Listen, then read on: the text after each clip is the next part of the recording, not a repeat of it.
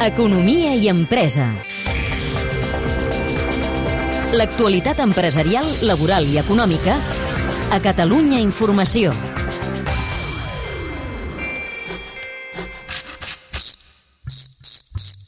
La internacionalització és avui el segell principal de la ceràmica de la Bisbal d'Empordà. Actualment a la població hi ha més de 40 empreses vinculades al sector, que donen feina a més de 250 persones. Alhora que s'anuncia la preparació de la primera Bienal de la Ceràmica per aquest any, amb participació d'empresaris, artistes, comerciants i administracions, des del consistori es vol convertir la zona comercial de l'Aigüeta en un centre comercial de la ceràmica.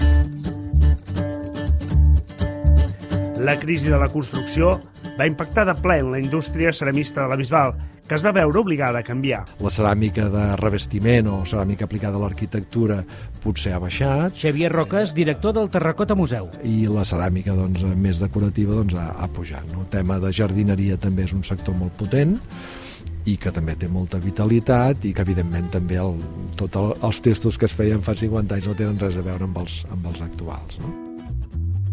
Obrint-se portes cap a l'exterior. podem parlar que el 85% de, de la producció se'n va fora. Daniel Sabater, tècnic de promoció de l'Ajuntament de la Bisbal. Llavors és una qüestió de que les botigues de l'aigüeta doncs, tenen el que són doncs, una vinculació amb la ceràmica, hi ha molta ceràmica a la Bisbal, és veritat, no ens n'hem d'amagar, també hi ha ceràmica d'arreu del món, amb el suport d'una marca d'origen per distingir la ceràmica de la Bisbal arreu. que els artesans eh, industrials doncs, puguin eh, diferenciar-se d'altres tipus de ceràmica no? amb aquesta mena de distintiu d'origen i que el client final, quan va a les botigues, doncs, pugui diferenciar aquella que, que és produïda pels productors més locals, no? que és una de les tendències i que nosaltres és un dels esforços que volem aconseguir en aquest sentit.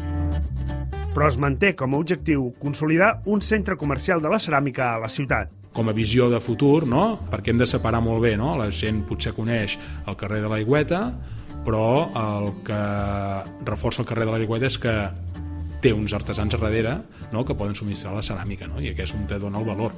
Mm, gran centre comercial de la ceràmica on la presència de ceràmica a la Bisbal és, és important, tot i que hi ha ceràmica d'arreu del món, Ara, el carrer de l'Aigüeta vol superar el tancament d'algunes botigues per falta de relleu generacional. De botigues que hagi hagut de tancar per crisis no en conec cap. Algunes botigues han tancat per jubilació, Joan Vilaclara, president de l'Associació de Ceramistes de la Bisbal d'Empordà. no hi ha hagut continuïtat familiar eh, i, i han tancat. i que porta els artesans de la Bisbal a buscar noves sortides. Si fas un altre tipus de feina més creativa David Rossell, ceramista. no tens tanta seguretat, és, és evident. Eh, jo, per exemple, doncs, eh, em dedico a fer vaixelles pels restaurants, eh, però no busco feina amb els restaurants. Ja, doncs, quan ve una feina, doncs, arriba. Per això agafa més pes la ceràmica destinada a la decoració. Avui en dia es pensa més en la ceràmica de la Bisbal a l'hora de solventar coses de, de la decoració, no la construcció no? i l'arquitectura. Tot, però, sense oblidar la formació de professionals amb el cicle formatiu de grau mitjà de ceramista que s'imparteix al Terracota Museu. Hem equipat una nau amb tot el mobiliari necessari, amb totes les eines perquè doncs, aquests, aquests joves doncs, puguin aprendre l'ofici.